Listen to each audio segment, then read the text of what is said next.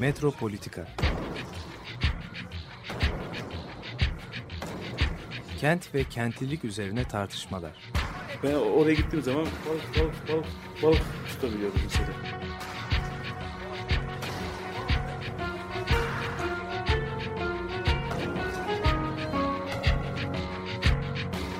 Hazırlayıp sunanlar Aysin Türkmen, Korhan Gümüş ve Murat Güvenç. Takusuyor ki. Kolay kolay boşaltamadı. Yani elektrikçiler terk etmedi Perşembe Pazarı merkezini. Merhabalar, e, Metropolitika programına hoş geldiniz. Bugün programı e, Murat Güvenç ile ben Korhan Gümüş birlikte sunuyoruz. Programımızın e, konuğu Ahmet Ersoy, Boğaziçi Üniversitesi Tarih Bölümünden öğretim üyesi. E, kendisine de hoş geldiniz diyoruz. Ahmet Ersoy. Hoş bulduk. Sağ olun. Programımıza ilk defa konuk oluyor. Daha önce de çok arzu etmiştik kendisine konuk etmeyi. Ee, bugün mümkün oldu. Canlı yapıyoruz şu anda programı. Ve Ahmet Ersoy'u tanıtmaya gerek var mı bilmiyorum ama kendisi Boğaziçi Üniversitesi Tarih Bölümü öğretim üyesi dediğim gibi e, sanat, e, mimarlık, görsel kültür tarihi ve burada yöntem sorunları üzerine e, daha çok çalışıyor. Ee, bildiğim kadarıyla tabii benim bilgilerim eksik kalacaktır tanıtmak için her zaman. Çünkü bu programın e, tamamını e, kaplasa yeridir. Yaptığı çalışmaları ben şöyle bir gözden geçirdiğimde çok sayıda konuyla e, ilgileniyor. Bizim de tam e, ilgilendiğimiz konu şu anda aslında bu programın konusu da e, Ayasofya'yı işleyeceğiz. Ancak Ayasofya'yı tarihi bir e, şey içinde bütünüyle değil, modernlik e, ve e, yakın tarih üzerine daha çok e, konu alacağız. Bu açıdan da baktığımızda aslında e, bir e, şey var tabii bir kırılma noktası belki diyebiliriz. E, bu, Fossati kardeşlerin örneğin 19. yüzyıl ortasındaki çalışmaları ile e, farklı bir e, şeye geçmesi, Ayasofya'nın bir mimari nesne, bir arkeolojik nesne olarak inşa edilmesi, temsil edilmesi meselesi var. Oysa ki modernlik öncesi bu tür anıt yapılar yani bir daha çok bir tü- temsil aracılığıyla bütüne eklemlenen neredeyse sayısız imgelerden oluşuyor. Yani onların nerede tasarım, nerede betimleme olduğunu da tam keşfetmek çok kolay olmuyor. Tasarlanmış, önceden kurgulanmış olmaktan çok bunlar betimlenmiş ögelerden oluşan bir mimariye dönüşebiliyor. Yani bugünkü mimarlık pratiklerinden biraz farklı. Bu imgeler zihinsel eylemliklerde kendilerini tekrarlıyorlar, kendilerini imliyorlar ve bunları bir araya getiren faaliyet aslında mimarlık.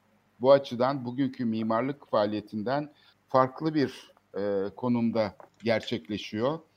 Zaten Ayasofya'nın iç mekanının hep dillere e, destan olan bu olağanüstü çok renkliliği, ışık oyunları biraz da sanki buna dayanıyor. Yani yan yana gelmiş, daha doğrusu getirilmiş mimari ögeler, temsiller.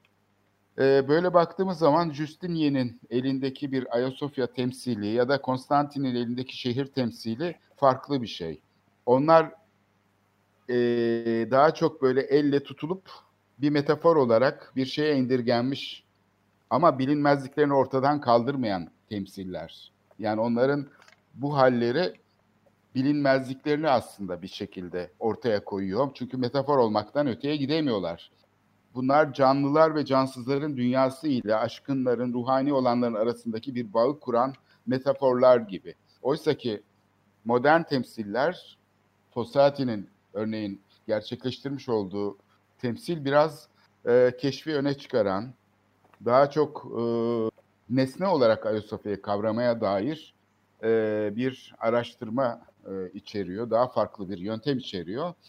E, bilmiyorum belki Ahmet Ersoy'un da tam hani üzerinde çalıştığı konulara dokunuyor gibi ge- geliyor bana bu konu. Onun için ben lafı fazla uzatmadan sözü kendisine vermek istiyorum.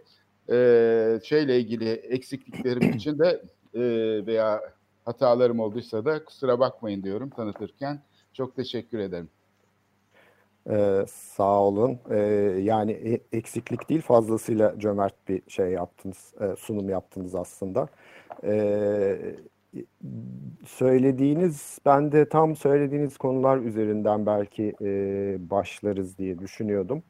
Ee, yani şöyle bir durum var. Dediğiniz gibi Ayasofya'nın e, Bizans döneminden Osmanlı dönemine intikal eden e, çok katmanlı e, bir takım e, şeyleri var, e, anlam dünyaları var. E, bunlardan bazıları çok ciddi devamlık arz ediyorlar. Yani Bizans dönemindeki bir e, ne diyeyim emperyal iktidar, emperyal tahakküm fikri e, ve binanın bu e, fikir üzerinden edindiği prestij e, Osmanlıların çok iyi bildiği ve benimsediği bir şey. Ve bu aynen alınıp özümsenip kendine mal ediliyor ve bu emperyal prestij dediğimiz şey aslında Ayasofya'nın camileştirilmesiyle birlikte bir e, küresel hakimiyet, cihan hakimiyeti e, mefküresinin de e, bir e, ifadesi olarak kullanılabiliyor. Buradaki devamlılık bence çok önemli. Ama bu devamlılıkla beraber binanın tabii ki Bizans döneminde e, var olan hani uhrevi, e, dini e, şeyi, gücü e, temsil eden e, tarafı, e, dinsel üstünlüğün bir e, işareti olması fikri de yine o Osmanlı e, döneminde aynı şekilde devamlılık gösteriyor. Bütün bununla beraber de sizin de demin birazcık işaret ettiğiniz gibi büyüklü küçüklü e, popüler veya resmi birbiri içine geçişken olan bir sürü anlatının, e, bir sürü e, efsanenin, e, hikayenin e, bu binanın algısıyla böyle bir yumak şeklinde, sarmalanmış şekilde devam ettiğini görüyoruz. Burada da aslında e, bunu işte öncelikle Stefan Yerasimos'un yazdıklarında daha sonra Gürü Necipoğlu'nun yazdıklarında da görüyoruz. Bu efsaneler bütününde de çok ciddi ve e, gayet bilinçli şekilde yapılmış, e, sürdürülmüş bir devamlılık var. Yani ne bileyim 9. yüzyılda yazılan e, Ayasofya ile ilgili e, efsaneler, e, Bizans dönemi e, içinde yazılan efsaneler, Osmanlı tarih yazımına e, ve popüler kültürüne de e, çok ciddi şekilde eklemleniyorlar. E, dolayısıyla böyle bu baktığınız zaman hani modern öncesi binaya baktığınız zaman e, müthiş bir anlam çeşitliliği ve hani bu çeşitliliği e, farklılığı, farklı kullanımları, e, değişiklikleri diyelim e, çok kolaylıkla içine, bünyesine alıp hazmedebilme e, ve bu e, anlam katmanlığını, çoğunluğunu bünyesinde barındırabilme gibi bir özelliği var. Birçok e, önemli modern öncesi e, anıtın yapabildiği bir şey bu. E, sizin işaret ettiğiniz dönüm noktası çok önemli. Yani özellikle Fossati biraderlerin, işte İsviç, İsviçreli mimarların gelip aslında Ayasofya üzerine bilimsel diyebileceğimiz bir çalışmayı yapıp e, onu artık mimarlık tarihinin bir e, öznesi haline getirmesi, onu e, dünya mimarlık tarihi içindeki belli bir kesite yerleştiriyor olması ve bir artık formel özellikleriyle kendi dönemini yansıtan, özellikle Bizans dönemini yansıtan tabii ki, e, bir e, nesne olarak tanımlıyor olması e, demin bahsettiğimiz o müthiş anlam bütünlüğü birbiriyle çelişen, örtüşen, çarpışan, e, ve zaman zaman değişkenlik gösteren e, anlamlar bütününün aslında ciddi şekilde daraltılması anlamına geliyor. E, ve e, bir taraftan hani e, Abdülmecit döneminde 1847'de başlatılan bu e, operasyonun yani restorasyon eyleminin aslında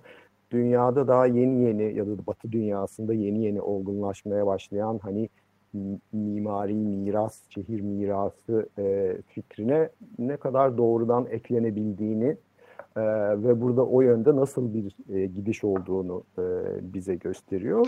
E, bir taraftan da e, belki hani bugünkü e, ne diyeyim hali pür melalimize de birazcık e, şey yapan e, çerçeve e, kuran bu fakirleştirme hani binanın sırf bir mimari tarih nesnesi olarak algılanma sürecinin de e, başlangıç noktasını oluşturuyor. Ben böyle konuşmaya devam ediyorum ama e, Evet doğru. Yani çok güzel bir bağlam içinde e, şey yaptınız bunu. Çünkü bütün kültürel miras eylemselliklerinde çok sıklıkla rast geldiğimiz e, sorular e, işte üzerine kafa yoruyoruz aslında. Bu çok e, aydınlatıcı oldu, çok ufuk açıcı oldu bu e, giriş. E, devam etmeniz çok güzel yani hep birlikte e, dinliyoruz bunu. Çok e, ciddi bir e, şey var burada tabii. Çok iyi bir örnek.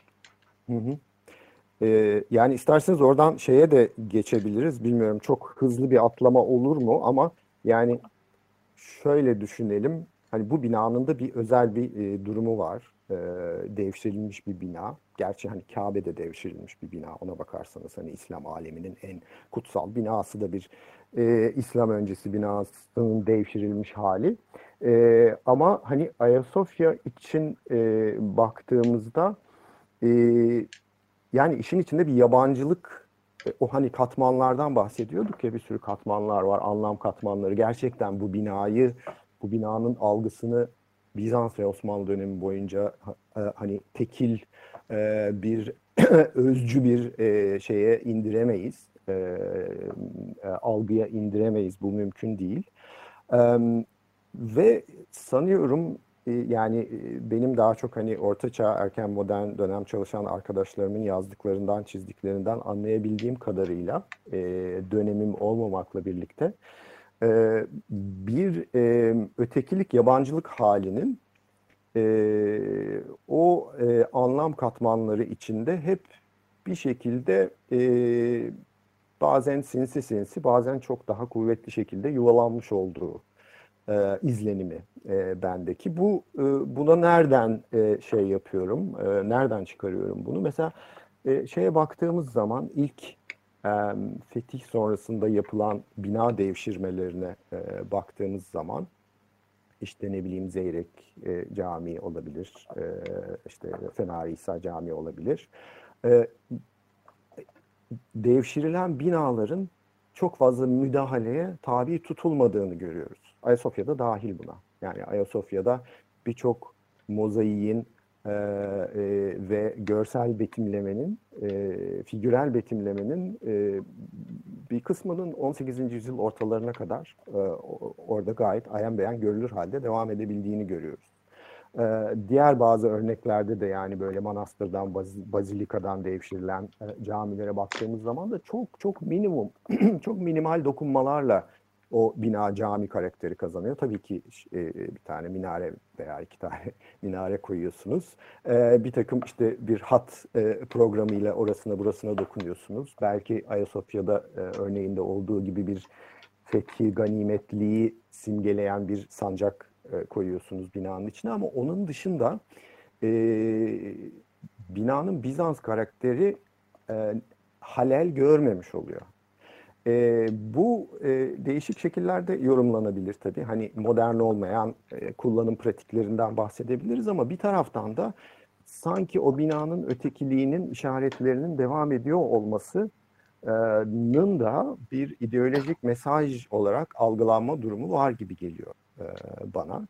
Yani orada şeylerin diyelim ki Bizans sanatkarlarının müthiş şeylerinin, maharetlerinin eserinin hala görünüyor olması o bina üzerinde İslam'ın edinebilmiş olduğu tahakkümün de e, bir şeysi, simgesi. Dolayısıyla e, bu binanın yabancılığı, yabancı doğru laf mı bilmiyorum ama e, ötekiliği, e, öteki tarafı e, temsil etme şeysi, e, durumu e, da bu katmanlar arasında devam eden hatta bazı Osmanlı e, dünyasındaki bazı grupları başından itibaren de rahatsız eden bir şey.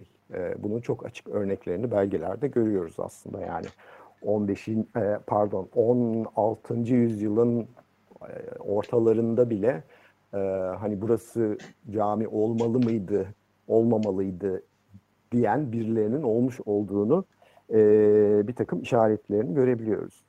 E, şimdi buradan e, izin verirseniz çok ciddi bir sıçrama yapacağım bu yabancılık meselesinden ve 19. 20. yüzyıl tarih yazımına geleceğim.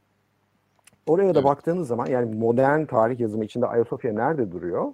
özellikle Türkiye'de yazılan daha ulusal e, çizgide e, şey olmuş, şekillenmiş mimarlık tarihine baktığınız zaman bu yabancılık meselesi hala ciddi bir böyle açık yara olarak duruyor gibi görünüyor. Çünkü Ayasofya dediğimiz bina hep Osmanlı mimarlık tarihinin akışı e, içinde parantezlenen, kenarda duran ve mümkün mertebe uzak durulması gereken aslında Osmanlı mimarisinin e, formel e, dönüşümüne katkısı olmayan, e, kendi kendine oluşmuş bir dinamiğe sadece dışarıdan belki çok az etki eden bir bina olarak görülmeye çalışılıyor. E, şeyi biliyorsunuz 1940'larda Ernst Dietz'in nasıl şeylere e, maruz kaldığını, e, mobbing diyelim yani artık böyle çok ciddi e, bir şekilde e, yazdığı kitapta, Türk Sanatı kitabında hani Ayasofya'dan etkilenmiş olduğu imasını e, yaptığı için aforoz edilen bir sanat tarihçi var e, Türkiye örneğinde. E, dolayısıyla bu yani Ayasofya'nın e, yabancılığı bir taraftan Osmanlı mimarisinin akış şaması içinde olmayan tamamen ayrı bir yerde ve dolayısıyla yabancı bir şey olmuş olması. Ama bir taraftan da o mimari geleneğin içinde e, özümsenmiş, hazmedilmiş, kendine mal edilmiş bir anıt oluyor olması da kendi içinde ciddi çelişkiler yaratıyor. E, dolayısıyla ben bunu hani modern dönemde modern mimarlık tarihi yazımına, modern işte kültürel miras algısına geçtiğimizde hop diye çözülüveren, kolaylıkla buharlaşan bir mesele gibi görmüyorum. Bu ikilemler, çatışmalar, Ayasofya ile yaşadığımız aşk-nefret ilişkisi e, hani İslami kanadın e, söylemlerinde de var ama bir o kadar çok daha seküler, e, daha bilimsel diyebileceğimiz e, tarih yazımı e, içinde de ciddi şekilde yovalanmış bir mesele. Ben şeyi hatırlıyorum, bu Theodosius Limanı kazıları mesela. Yani şehir halkını çok fazla ilgilendirmedi gibi. Yani önemli bir arkeolojik e, şeydi bu, e, keşifti. Ancak daha çok uluslararası kamuoyuna dönük bir keşifti. Tıpkı Mecit zamanında olduğu gibi. Yani daha çok Avrupa kamuoyuna dönük gibi. Mesela Corriere della Sera tam sayfa haber yaptı yeni kapı kazılarını dünyanın en büyük Roma limanı diye. İstanbul'da hani bu arkeoloji çevresinin ve bilim çevresinin ilgisinin ötesinde böyle popüler bir ilgiye fazla dönüşemedi gibi geliyor bana. E, çünkü hı hı. hani şehrin tarihiyle ilgili başka bir katmanına işaret ediyor. Aynı şekilde hı hı. surlarla ilgili tartışmalar özellikle UNESCO Dünya Miras Listesi'nde olmasına rağmen kara surları burada da aslında fethedilen bir şey olarak hani bir hı hı. yapı olarak e, gündeme geliyor ama kendisinin yani bir şey olarak e, özne olarak e, bizi aslında rahatsız edici bir varlığı var çünkü çok hmm. önemli bir şehir şeyi yani kentsel tarihsel topografyasını biçimlendiren çok önemli bir yapı olmasına bir eşsiz bir e, şey olmasına rağmen kültürel miras çok fazla bu açıdan işlendiği söylenemez. Yani gene Bizans yapılarına baktığımız zaman Küçük Ayasofya falan burada seküler gibi gözüken bilimsel e, çalışmalar yapan ekibin de kendi hı hı. içine kapandığını görüyoruz. Yani yabancıların burada ne işi var? Niye buna evet. destek vermeye çalışıyorlar? Yani burada bilimsellik meselesini gene ulus devletin milli sınırları içinde bir kapatma, dışarıya e, şey yapma, e, biraz böyle e, sınırlar koymak için, ötekileştirmek için hatta kullanıldığını görüyoruz sanki. Ama bu açıkça dile getirilmiyor. Ya işte Türk mimarlar yapsın. İşte nasıl hani din açısından söyleniyorsa camileri ancak Müslümanlar yapabilir falan gibi. Arkeolojide de kültürel miras konusunda da böyle bir e, kapalılık, o sınırlar içine hapsetmek, bir imtiyaz alanı yaratmak hatta ulusal Hı-hı. elit için bir imtiyaz alanı yaratmak, bir soylulaştırma süreci yaratmak gibi bu ta Cumhuriyet'in başından beri, belki öncesinden beri var olan bir dinamik mimarlıkta gibi geliyor bana. Bilmiyorum e, buna katılıyor musunuz? E, kesinlikle evet. Yani e, hani belki e, çok temelde e, şu soruyu sormak lazım. Yani e, hani mimarlık pratiklerini, restorasyon pratiklerini e, e, bir kenara bırakıp çok daha e, temel bir düzlemde e, tepeden baktığımız zaman e, tarih ve tarihin temsilinden bahsediyoruz burada.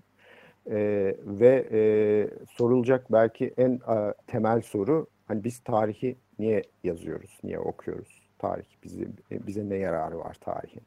E, ben e, birinci sınıf tarih yazımı dersi verdiğim zaman ilk hafta bu soruyu soruyorum. E, çok aptalca gibi geliyor bu soru insana. Yani o kadar basit bir soru ki. E, ama e, çok ilginç bir şekilde cevapların çoğu şey olarak geliyor. Tabii ki tahmin edersiniz ne, nasıl cevaplar geleceğini. Tam ta, işte tarih e, kimliğimizi e, pekiştirmek, işte kolektif çimento olarak görev yapmak üzere, e, sahiplenilmek üzere e, e, kurgulanmış bir alandır e, cevabı geliyor. Mealen yani en azından. Dolayısıyla bir hani birinci çoğul şahısı tanımlamak için e, elimizdeki en önemli enstrüman, enstrümandır demeye getiriyor e, bütün öğrenciler. E, yani tarihin böyle bir rolü olduğunu kimse yatsıyamaz tabii ki. E, ama özellikle hani son 30-40 sene içinde yapılan tarihçiliğe baktığımız zaman e, tarihin sadece bizi değil e, ötekini de anlamak için, e, öteki gruplarla empati kurabilmek için e, daha çoğul, daha dünyevi, daha açık e, bir e, müzakere, zenginleştirilmiş bir müzakere ortamı, kapsayıcı bir müzakere ortamı geçmişle aramızda oluşturabilmek için kullanabileceğimiz bir araç olduğu da çoğu zaman akla gelmiyor. Hani burada ötekinin sesini duymak için de önemli derken tarih, Burada ötekiden illa marjinalleştirilmiş, e, ezilmiş, susturulmuş gruplardan bahsetmiyorum. E, çok klişe tabiriyle aslında her tarih döneminin başka bir ülke olduğunu ima ediyorum. E, yani çünkü baktığınız zaman 19. yüzyılın sonlarında bile Osmanlı dünyasında yaşayan bir bireyin e, kimlik algısı, e, günlük yaşam e, pratikleri ve protokolleri, e, cinsel hayatı ne bileyim e, bütün o hayatın dokusunu e, oluşturan bütün unsurlara baktığımız zaman bugün bizim algılarımızla özellikle de bu ulus devletin e, kimlik, aidiyet ve bölgesellik şablonları tarafından hani şerbetlenmiş olan bir e, algıyla o kadar ciddi e, farklar arz ettiğini görüyoruz ki orası egzotik bir alandır artık gerçekten. Yani en e, ne bileyim ana akım en büyük devlet adamı e, birinden bahsediyor olsak bile e, tarihsel bağlam içinde e, aramızdaki tarihsel mesafe yüzünden baktığımız dönem birinci tekil şahıs üzerinden kolay bağlantılar kuramayacağımız çok ciddi kopmaların olduğu, tabii ki belli de bazı devamlılıkların olduğu ama temelinde e, neredeyse bir antropolojik nesne gibi değerlendirilmesi gereken e, öyle yaklaşılması gereken, farklılıkları üzerinde ciddiyetle e, ve empatiyle durulması gereken e, bir alan. Dolayısıyla hani tarihin bu e, in, insanlardaki e, empati kuvvetini gerçekleştirebilecek bir araç olarak kullanılması meselesi e, tabii ki kültürel miras üzerinden kent dokusu ve kentin e, tarihsel dokusu üzerinden de düşünebileceğimiz bir mesele. Ama maalesef herhalde Türkiye'de e, en çok yokluğunu çektiğimiz e, şeylerden, araçlardan biri e, bu e, şey meselesi, e, empati meselesi. E, o yüzden hani bu sizin de ima ettiğiniz gibi daha kapsayıcı, daha çoğul, e, böyle tepeden eril e, e, şey yapılmış, e, diretilmiş bir e, tekil tarih yapısının, algısının ötesinde bu hani ana akım tarih yazıcılığından mimarlık tarihine, restorasyon pratiklerine, arkeolojiye kadar uzanan bir alandan bahsediyorum. Bunun yerine çok daha açık, zengin bir alışveriş alanı olarak görülmesi tarihin. Yani bir anlamda e, tarihsel e, irdelemenin, keşfin, oradaki heyecanın ortaya çıkabileceği, tefekkürün, nüansın e, kendine yer bulabileceği bir alan yaratıyor olması lazım. E, tarihsel miras dediğimiz şeyin veya Ayasofya gibi bir binanın. E, dolayısıyla hani Ayasofya müze olarak da bunu yapmıyor. E, aslında evet, her evet. ne kadar ben, ben hani de onu ben... söylemeye çalışıyordum. Yani tam da oraya e, net olarak e, dokundunuz. Yani gerçekten cami olması nasıl bir total tasarım yani bir nesneleştirici şeyse aslında müze olması da e, bu sözünü ettiğiniz e, nüansları kapsamayan e, son derece yalın bir e, müdahale. Sonuçta hı hı. bürokratik aygıtın altında şekillenmiş bir yönetim yapısı olan, kendi içinde bir özelliği dahi olmayan, bilim kurulları veya işte şeyleri olmayan yani açık bir yapısı olmayan bir müzeleştirme işleminden söz ediyoruz. Biz de bu böyle kalsın derken aslında farkında olmadan da bir şekilde evet. e, pasif bir konuma e, tekrar e, bilgiyi evet. şey yapıyoruz. Yani bu sorunu aşmayı denemiyoruz gibi geliyor bana. Bilmiyorum siz Çok ne doğru. Evet. Çok doğru. Şey, Buyurun. Ya ben benim e, benim de e, şöyle bir izlenimim var. Yani müze müze olsun, e, müze oldu e, cümlelerin içerisinde hangi tarihte müze oldu, o tarihten bugüne kadar müze dediğimiz şey nasıl evrimler geçirdi, onu biz değerlendirme e, dışı bırakıyoruz. Yani müze böyle hani bir çeşit konservatuvar gibi böyle bir şeyin e, hani böyle dondurulmuş, korunmaz, korunmuş bir hali Artık günümüzde böyle bir müze yok. Müzelerin her birinin bir başka e, programları var, sergileri var, şeyi var değil mi? Yani kent hayatıyla kurdukları ilişkilerin hemen hemen hiçbirini e, biz burada göremiyoruz. Sadece bir e, şey olarak, ziyaretgah olarak e, bu müze şey yapıyor. Yani o yüzden kent hayatıyla çok zengin bir e, bütünleşme sergilediğini de pek göremiyoruz yani bu müzenin müze olarak değil mi?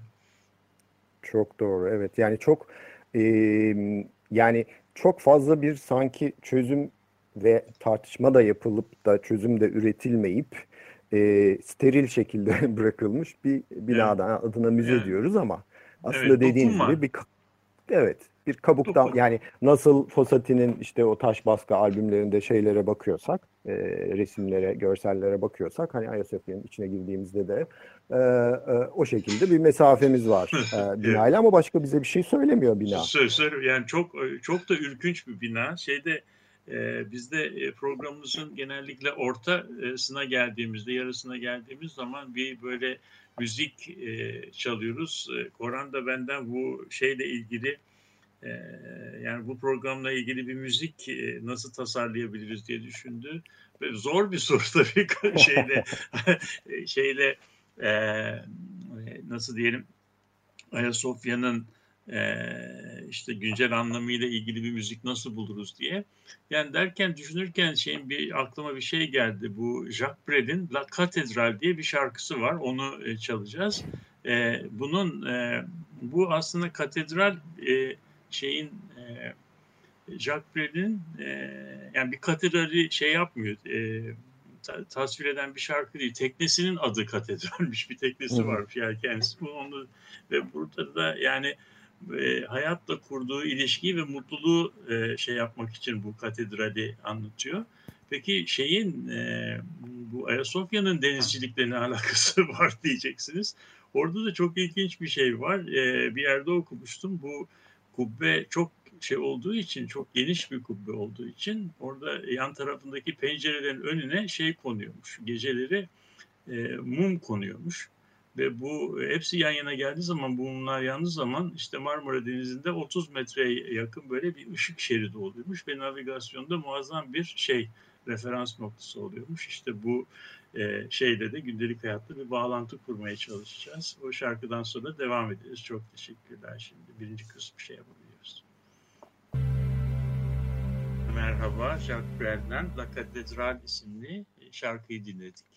E, bugünkü Metropolitika'daki e, konuğumuz Boğaziçi Üniversitesi'nden e, Ahmet Ersoy. Kendisiyle e, bizim Ayasofya e, Kilisesi'nin, müzesinin e, anlamları, tarih yazımındaki yeri üzerinde e, çok e, bence önemli bir konuşmanın e, ortasında bu müziği dinledik. E, ben kendisine e, küçük bir soru da sormak istiyorum bu vesileyle. Konuşmayı tekrar başka belki bir platformda yeniden başlatabilmek amacıyla.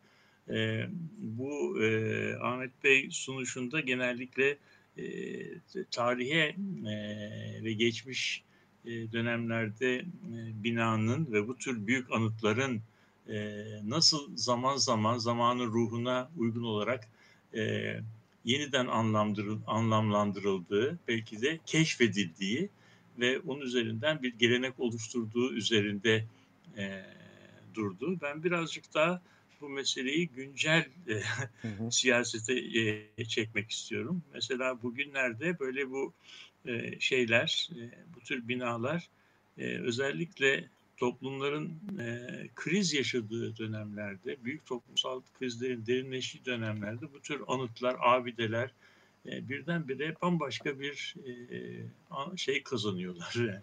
Yani önem kazanıyorlar. Buna mesela yakınlarda bir örnek olarak bu geçtiğimiz yıl yanan Notre Dame e, işte kilisesinin Fransa'da yani bir yangının çok ötesinde bir seferberliğe sebep olduğunu gördük. E, son dönemde işte Amerikan seçimleri yaklaşılıyor. Bu Amerika'da bunun ne, ne benzeri var diyeceksiniz. İşte e, şey konuşmaları, artık seçim konuşmaları bu e, Amerika'nın kurucu babalarının kazılı olduğu ve işte nasıl diyelim şey olarak en e, kutsal mekanlarda seçim konuşmaları yapılıyor. Yani bu e, şey, bu tür anıtlar zaman içerisinde yeni tarihsel anlamlar e, kazanmanın yanı sıra bir de e, şeyi geleceği kurma e, açısından böyle e, eşsiz fırsatlar hazırlıyor ve bu e, binaların eşsizliği birazcık da e, böyle bir yeni tartışmalarında başlangıcı oluyor. Bu konuda acaba yani tarihin böyle geleceği kurma fonksiyonu işte ve bu, bu araçsallaştırması üzerindeki e, bu benim yani şey amatör yorumuma ne dersiniz diye düşüneceksin soracak. E, es- estağfurullah. Yok ben de hani e, biraz daha e, günümüze çeksek diye içimden geçiriyordum. Çünkü hani böyle şu anda bir şey durumundayız. E, teyakkuz durumundayız yani. E, ve hani böyle bunu küresel perspektifte düşündüğünüz zaman da e, gerçekten çok müstesna bir şey gibi gözükmüyor. E, nasıl başlayayım? Belki şöyle e, yapmaya çalışayım. Yani bir önce e, Jacques Brel'den önce e, konuştuğumuz meseleyle belki bağlayabilirim bir şekilde. Hani müze, müze ama nasıl müze dedik, bıraktık ya. E, şöyle bir şey, siz de müzik deyince o anda aklıma şöyle bir şey geldi. E, belki biliyorsunuzdur Stanford Üniversitesi'nde yapılan e, The Voice of Sophia, Ayasofya'nın Sesi diye bir belgesel var. Ee, orada işte Ayasofya Bizans mimarisi üzerine çalışan Bisera Pençeva diye bir, e, bir uzman, e, Duygu Eruçman diye bir yönetmenle beraber e, çalışıyor. Ve e, çok kısaca, çok vakit almadan bahsetmeye çalışayım çünkü bence önemli. E, şey yapmışlar, e, Stanford Üniversitesi'ndeki işte akustik üzerine, e, dijitalleştirme üzerine çalışan e, bir ekiple beraber Ayasofya'ya gidip şeyler yapıyorlar. E, ne derler? E, ses denemeleri yapıyorlar. Kayıtlar alıyorlar ve daha sonra bu ekip, teknik ekip şeyi oluşturuyor. Ayasofya'nın Bizans döneminde kiliseyken e, sahip olmuş olacağı e, ol, olduğu e, e, akustik atmosferi yaratan bir bilgisayar programı geliştiriyorlar. E, daha sonra bir e, işte kilise ilahiler Muganni grubu, e, Bizans ilahileri söyleyen bir Muganni grubu bir konser veriyor. Bu konserde hepsinin e, şeyinde e, kulağında kulaklıklar var e, ve yapılan şey kendileri icra ederken müziği e, bir taraftan da e, bu dijital olarak e, çözümleniyor bu ses ve onlara Ayasofya'nın orijinal eski halindeki e, akustiği ve işte yankılanması şeklinde kulaklarına geliyor kendi sesleri. Dolayısıyla kendi seslerini ona göre ayarlamak durumundalar. E, çünkü inanılmaz bir reverberasyon var. Yani bir e, ağzınızdan bir ses çıktığı zaman e, 8 saniye bazen 12 saniye havada asılı kalıyor o şey. Bu camilerde çok olan bir şey değil ama Ayasofya için çok kuvvetli. E, Dolayısıyla siz hani orada kendi sesinizi, şiddetini, e, uzunluğunu falan ayarlamak durumundasınız. Ee, ve bu konserin e, ve hani Ayasofya ve ses e, ve işte oradaki ses sembolizminin ne anlama geldiğine dair bir e, belgesel bu The Voice of Ayasofya. YouTube'da da yüklü ve açık yani e, ilgilenenler e, izleyebilirler. E, bunu niye anlattım? E, hani müze nasıl bir müze olmalı? Hani tekil sadece mina, binanın formal özelliklerini bize e, bir şekilde e, gösteren bir müze mi? Ee, yoksa hani artık Murat Bey'in de dediği gibi yani bugün müze pratiklerinin içinde, müzeleştirme e, ve tarihin temsili pratikleri içinde çok ciddi yer almaya başlayan bu tip dijital belki interaktif e, şeylerin de araçların da kullanılabileceği bir e, alan niye olmasın e, Ayasofya? E, zamanında 2015'te bu iş bir alevlenmişti yeniden. E, hatta şeyde de Murat Bey hatırlayacaksınız. Toplumsal tarihte bir tane dosya yayınlanmış. Evet, Eskiden doğru, doğru, doğru. E, Nevra Necipoğlu'nun.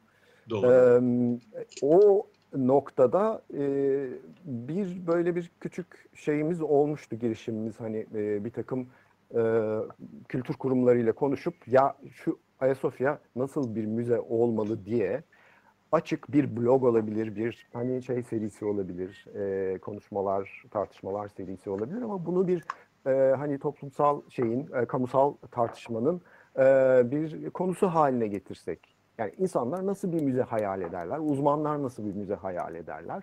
Bence hani bu bugünkü saplandığımız tekil hani çan sesi mi, cami mi ikileminden eee kurt ki Çok daha zengin, olduğunu iddia. E, yani hani bu tip şeyler üzerine konuşmadığımız sürece zaten o çamura saplanıp gitmek durumundayız. Evet. Yani sizin sorunuza cevaben birazcık böyle gelmek istedim. Ee, yani öyle bir durumdayız ki e, hani bana şeyi hatırlatıyor.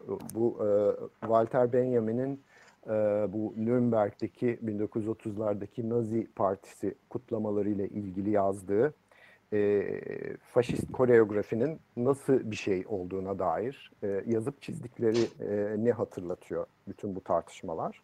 E, Benjamin'in söylediği şey şu, e, faşizm öyle bir şey ki e, politikanın içini boşaltıyor, siyasetin içini boşaltıyor. Yani siyaset, diplomasi, uzlaşma, müzakere denilen bütün alanlar, e, normal hani kamusal alandaki siyasetin parçası olan alanlar iflas ediyor e, düşüyor ve siyaset dediğimiz şey tamamen içi boş, kaf bir hama, kof bir hamasetten ibaret kalıyor. Bu buna e, Benjamin siyasetin mutlak şekilde estetikleşmesi anlamını veriyor. Tek Ee, yönlü değil o zaman diyebiliriz Ahmet. Değil, değil mi? Efendim? Yani bi- bilginin e, temsile dönüşmesi durumunda e, onu potansiyelsizleştiriyor politik söylem ama politik söylemi de bil, bu şekilde potansiyelsizleştiriyor aslında bilginin de Çok kapalı olması. Yani karşılıklı bir kuvvetli bir potansiyelsizleştirme var. Değil Evet, mi? Bu şeyin dolayısıyla- Ayasofya'nın mesela bir mühendislik açısından da muazzam bir şeyi Hı hı. var değil mi? Fırsatlar sunuyor. Harcının yapısı, higroskopik yapısı, e, işte çatlakları, e, oynamalar, işte Ayasofya'nın e, depremsellik karşısındaki durumları falan bütün bunlar acayip bir yaratıcılık yani alanı, bunun araştırma alanı iken bunu potansiyelsizleştiren bir müzeleştirme şeyi var, kapatma şeyi var. evet Dolayısıyla ama bize, bilginin bir temsile dönüşmesi Aha. gibi bir Pardon, problemle kestim karşı sözünüzü ama karşıyayız. e, yani müzenin de yani e, şimdi müzeleştirmede hani bir şeyi teslim etmek lazım. E, hani 1934'te alınmış bir karardan bahsediyoruz. E, ve biraz hani tepeden inme tabii ki o dönem şartlarında alınmış bir karar. Bu şey anlamına gelmiyor. Hani o dönemde 20. yüzyıl başından itibaren özellikle e, sadece e, şeyde değil, resmi alanda değil, hani kamusal alanda da bir sürü kulüpler, gruplar artık hani bu kent mirasını, mimari mirası değerlendirme e, e, açısından aktif olarak düşünen gruplar var. Burada bir kamusal e, tartışma alanı var, yok değil. E, ama hani o dönemin şartları içinde bu tartışmanın parçası olmadan Ayasofya müze yapılıyor. Ama hani benim çok e, böyle devrimci ve e, yatsıyıcı bir eylem olarak benimsediğim tarafı çok köklü bir takım anlatıları e, elinin tersiyle itmiş oluyor. Yani bir dinsel üstünlük ve tahakküm aracı olması Ayasofya'nın, bir de dünyevi hakimiyet e, sembolü olması. Bu takıntıları e, hani çok daha global bir mesaj üzerinden bir kenara atabilen bir şeyden bahsediyoruz, eylemden bahsediyoruz. Hani orada bence hakkını vermek lazım. Ama diğer taraftan söylediğiniz yani söyle- söylediğimiz gibi deminden beri e, bu böyle tek yönlü bir alana hapsolmasının da şeyini açıyor, önünü açıyor Ayasofya tartışmalarının. Ama bugün ben farklı bir yerde olduğumuzu düşünüyorum. Yani bu o yüzden Walter Benjamin örneğini verdim. Siyasetin mutlak estetikleşmesi e, dediğimiz şey. Yani işte toplumdaki hak e, şeyleri, ilişkileri, mülkiyet ilişkileri, haksızlıklar, oradaki problemler tamamen bir kenara bırakılıyor.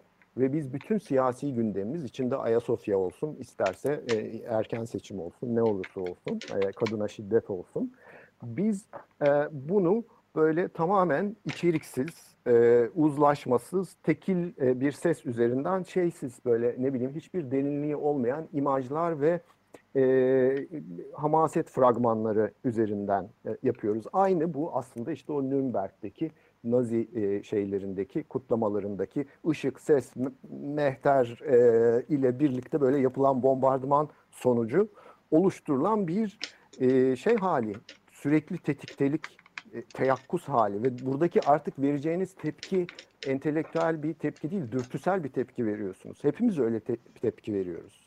Ee, yani bir tepkisellik üzerinden, çatışma üzerinden hani ya A'dasın ya B'desin, ya siyahtasın ya beyazdasın e, üzerinden giden bir hazır gerçekliğin bizi hapsettiği e, alan bu. Çatışma ve şey e, e kindarlık kültürü üzerinden giden. Yani ben e, bir şeyi imza metnini imzala, imzaladığım anda Ayasofya ile ilgili hani bunun yanlış olduğu ile ilgili e, ben hani bir anda biliyorum ki böyle bir nefret öznesi haline geleceğim. Çünkü Batı'nın bir parçası olarak algılanacağım. O e, şey e, kutupsal yapının içinde nereye konacağım çok belli. Yani siyasetin ve dolayısıyla e, şeyin mimari miras tartışmalarının bu küçük dar kof estetik alana e, yani şey alanda siyasi alanda estetikten bahsediyorum e, hapsedilmesi bir şeyleri sürekli mantra gibi söylüyor olmamız yani olsun olmasın cami olsun canım olacaksa olsun e, şeyinden sarmalından e, kurtulabilmek gerekiyor diye düşünüyorum. Evet, çok doğru bir e, nokta. Biraz Feveran gibi konuştum. Yok hayır, hayır yani Feveran'ın ötesinde, Feveran ötesinde yani e, şeyin e, bu içine içine hapsolduğumuz söylemin bizi e, bize yarattığı açmazı e, anlattınız. Bu da çok önemli bir şey. Çünkü biliyorsunuz şeyde e, bir halk ağzında bir şey var. İki yanlış bir doğru etmiyor yani. bir şeyin hı hı. zıttını söylemek e, pro, yani bir, bir sorunlu bir şeyin zıttını söylemek veya bir önermenin onun e, pozitif bir şey getirilmiş olmuyor. Tersine bu şey e, bu tartışma e, öyle mi olsun böyle mi olsun e, tartışması yani Ayasofya'nın e, potansiyellerini demin sizin çok güzel anlattığınız yani e, bu akustik konusundaki diyelim e, eşsiz e, katkısını görmeyi engelliyor. Çünkü bu şey evet. o potansiyel e, orada duruyor ve e, değerlendirilmemiş bir potansiyel olarak daha bina durdukça da e, duracak. Ama bina e, cami yapılsa da duracak, yapılmasa da duracak. Yani o caminin bir özelliği ve biz bunu bu tartışma içerisinde e, demin Koran'ın söylediği gibi ne e, işte depremselliği engelleyen su, e, zemin suyu meselelerini görebiliyoruz. Ne caminin işte demin benim anlatmaya çalıştığım bir landmark olma özelliğini görebiliyoruz. Deniz feneri olarak işlevlerini görebiliyoruz. Yani binanın e, toplumla kurduğu eşsiz ilişkiyi perdeliyor bütün bu tartışma. Bu şekilde de e, bu şekilde ne yazık ki de e, bugünü kaybetmemize yol açtığı gibi geleceği de biraz ipotek altına alıyor gibi evet. geldi bana. Evet. Ne dersiniz diyor. Değil mi? Evet çok bu, doğru. Yani bu e, hani dediğimiz türde yani e, hani her yapacağımız şey bir turnasol kağıdı haline geliyor bu hani evet. olduğumuz noktada. Yani bir çoğunluk anlatısı oluşturulmuş durumda. Ki bunun içinde artık hani e, muhalefet de var. Aman canım tamam yapın hadi sıkıyorsa camiyi diyen bir muhalefetten bahsediyoruz. E, dolayısıyla o turnasol kağıdı hani söylediğiniz herhangi bir lafla ya çoğunluk anlatısının oluşturulmuş olan çoğunluk anlatısının bir parçasısınız ya da ötekisiniz. Düşmansınız. Oradan evet. nerelere kadar gider bilmiyorum. Benim ee, aklıma şöyle bir metafor geldi. Böyle hani e, bazen e, hani küçük çocuklar yaramazlık yaptığı zaman da hani annesi çocukla baş edemediği zaman bak babanı çağırırım e, sana kızar filan gibi şey yapar. Burada da böyle yani bu böyle periyodik olarak tekrarlanan bak oraya cami yaparım ha şeklinde evet. teşhise dönüyor. Tehdide evet. dönüşüyor. Bu da tabii çok e, üzücü Yani bir bu şey. sefer ilginç oldu ama yani bu Da- Danıştay bekletmesi hani bir anlamda biraz böyle çok hani AKP'nin yaptığı bir top dolaştırıp bir dinleme e, şeyi taktiği de olabilir. Hani Putin ne diyecek? İşte top e, ne bileyim e, İKOMOS ne diyecek? Toplumsal katmanlar ne diyecek diye.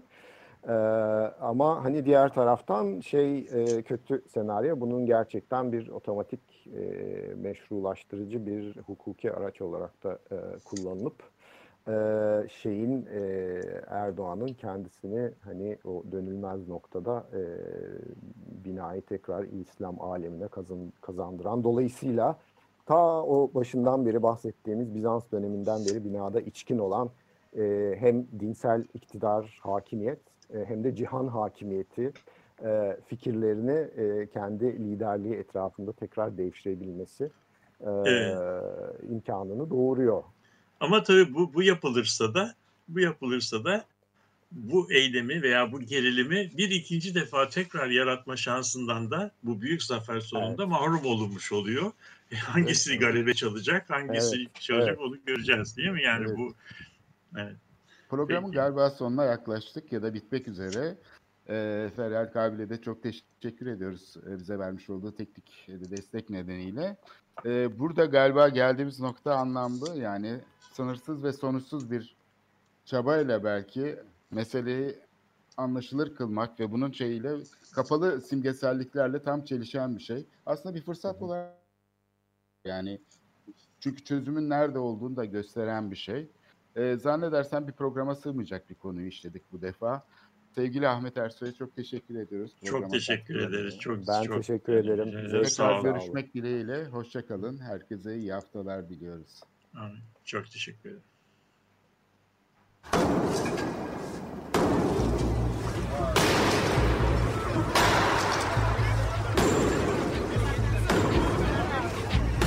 Metropolitika Kent ve kentlilik üzerine tartışmalar.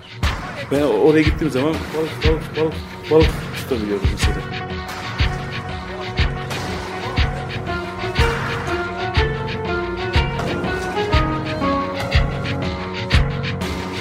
Hazırlayıp sunanlar Aysin Türkmen, Korhan Gümüş ve Murat Güvenç. Takusuyor ki. Kolay kolay boşaltamadılar. Yani elektrikçiler terk etmedi Perşembe Pazarı.